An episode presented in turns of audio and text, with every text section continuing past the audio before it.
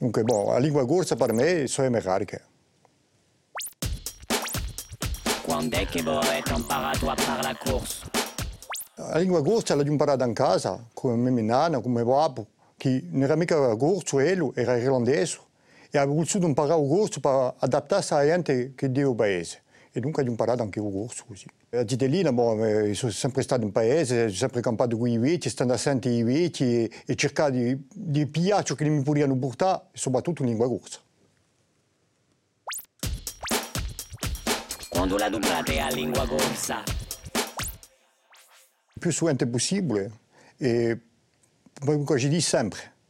Perché bon, eh, parlo i miei compagni con- di di stesso lavoro, parliamo in corso e anche le riunioni certe volte in Camera di Cultura e altro, si pensa in corso e si risponde in francese.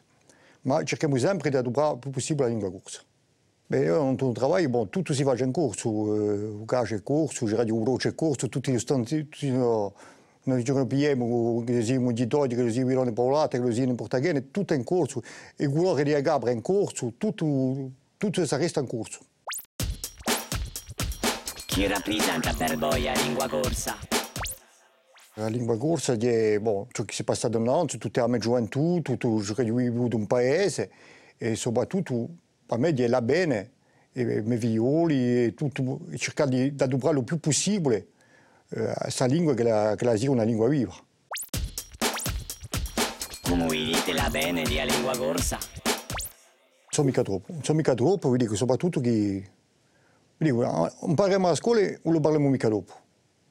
Allora avrei il contrario, giustamente imparando avremmo parlato di più e più o meno i giovani lo parlano. C'è stato l'anno 80, tutto il mondo si era messo a parlare corso e ora malaureusamente il tempo da dietro.